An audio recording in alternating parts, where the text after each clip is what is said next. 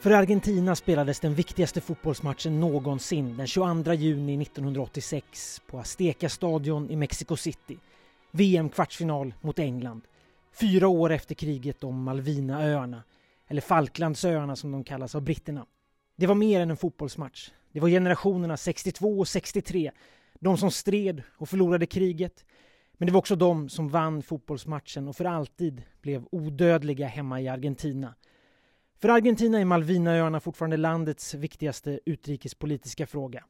Med det sagt, idag spelar Spanien mot Marocko i fotbolls-VM. Och det här är också mer än en fotbollsmatch. Det här är en rivalitet mellan två länder som inleddes med den arabiska invasionen av Spanien på 700-talet, skriver La Repubblica idag. Det dröjde sedan över 700 år för spanjorerna att ta tillbaka sitt land och det var knappast vackert eftersom det var en av de värsta religiösa förföljelserna någonsin. Den spanska inkvisitionen tvingade muslimer och judar att konvertera till katolicismen och om de inte gjorde det så, ja, alternativet var plundringar, tortyr och mord eller i bästa fall landsflykt. La Reconquista, som den kallades, återerövringen, blev som bekant sen erövring helt och hållet med Latinamerika och Ceuta och Melilla, de små enklaverna i Nordafrika. Och så hela Västsahara förstås. För att ta det kortfattat, som goda grannar har spanjorer och marockaner trampat varandras liktornar i 1300 år. 16.00 idag är det avspark för ytterligare en holmgång. Jag ska kolla och ni lyssnar för nu är det avspark för Tidningskrönikan. Välkomna!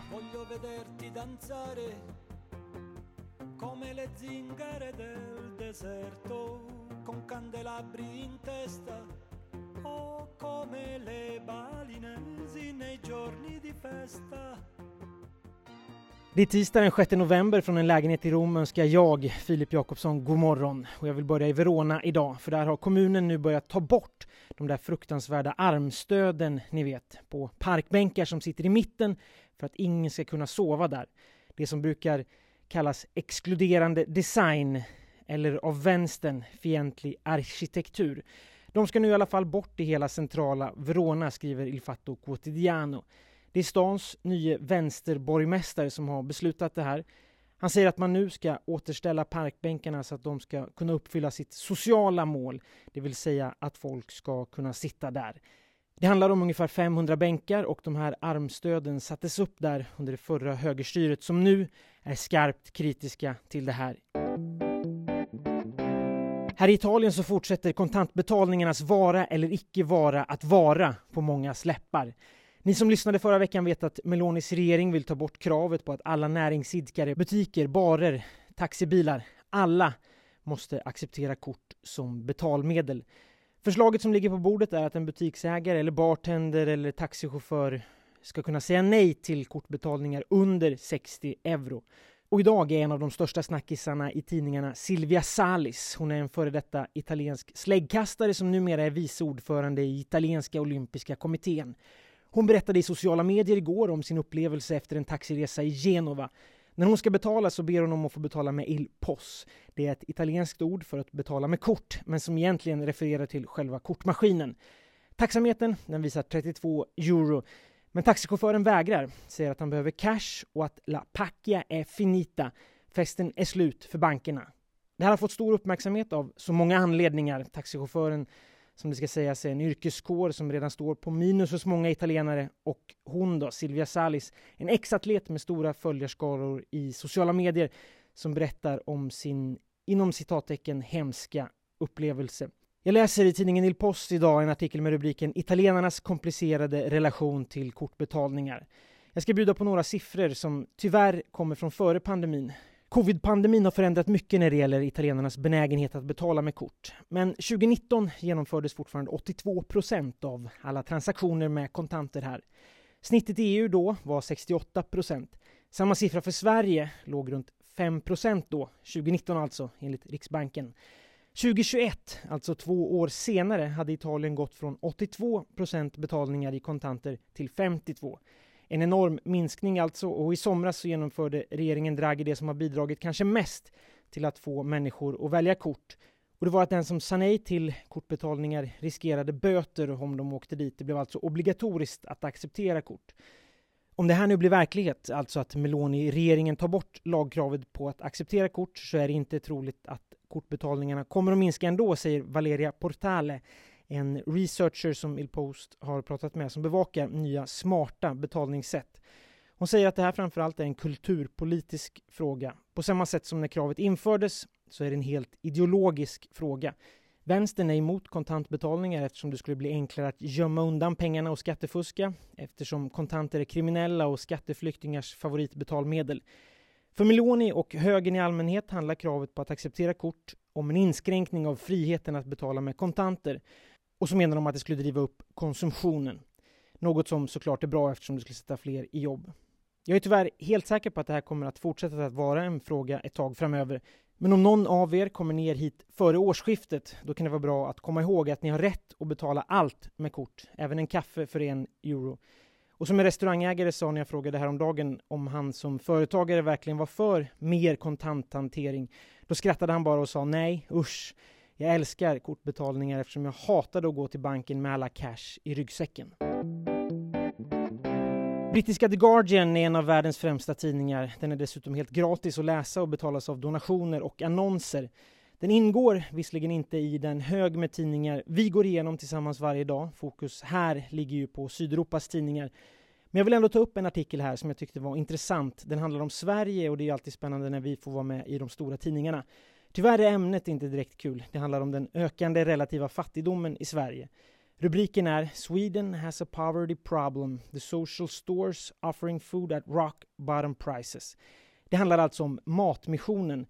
Jag vet inte om ni har varit där någon gång. Totalt finns åtta butiker, men det är ju bara i storstäderna då, Stockholm, Göteborg och Malmö. En mataffär där människor med mindre än 11 200 kronor i månadsinkomst får handla mat till oerhört bra priser. Det här är mat som restauranger och andra mataffärer har skänkt till Matmissionen eftersom de antingen ser fula ut eller har korta utgångsdatum. Det finns några riktigt deppiga siffror i den här artikeln. 1990, senast inflationen var brutal med våra mått mätt och de ekonomiska tiderna var hårda levde 7% av svenskarna i eh, relativ fattigdom. Det innebär att man har en inkomst som är 60% under medianinkomsten som i Sverige är 33 200 kronor.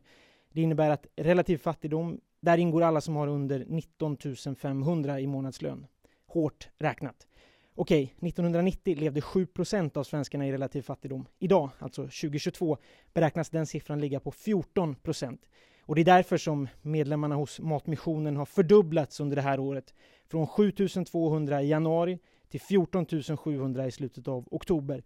Jag lägger rubriken till den här artikeln i avsnittsinformationen för den som vill läsa hela texten. Det var rörigt igår det här med huruvida den iranska regimen på riktigt hade skrotat moralpolisen eller inte. Alla våra tidningar var ju överens om att så var fallet, även om La Repubblica hänvisade till att inget var bekräftat och att det kunde handla om ett missförstånd. Den som uttalade sig i helgen var statsåklagaren Mohammad Jafar Montaseri, ansvarig för justitiedepartementet. Och moralpolisen svarar inte till honom utan till inrikesministeriet. Men som Cecilia Sala skriver i Il Folio idag, det är en viktig nyhet samtidigt som den är bedräglig. Under rubriken för Teheran spelar moralpolisen ingen roll. Det gör det däremot att splittra protesterna. Att moralpolisen inte har någon särskild betydelse visar det faktum, skriver Salla, att den har fått kraftig kritik från etablissemanget ända sedan Massa Amini misshandlades till döds av agenter från densamma i september.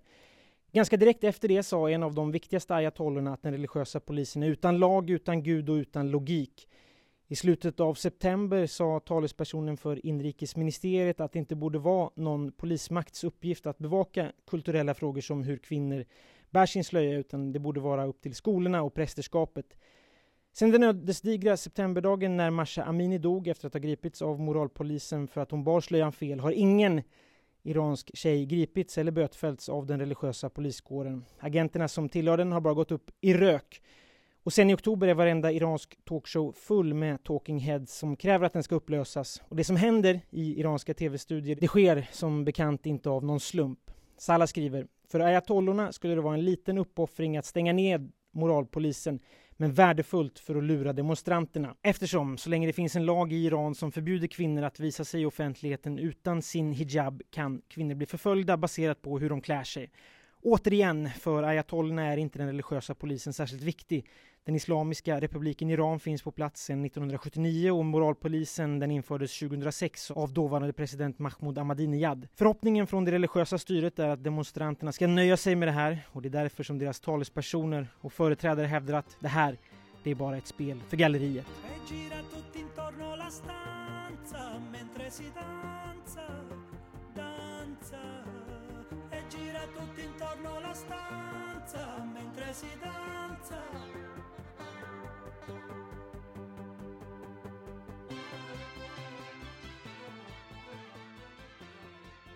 Så där smakade nyhetskakan den här tisdagsmorgonen. Nu hoppas jag att ni får en riktigt bra dag. Vi, vi hörs imorgon igen. Ciao! Radio Tirana trasmette musiche balcaniche mentre danzatori bulgari a piedi nudi sui braccieri ardenti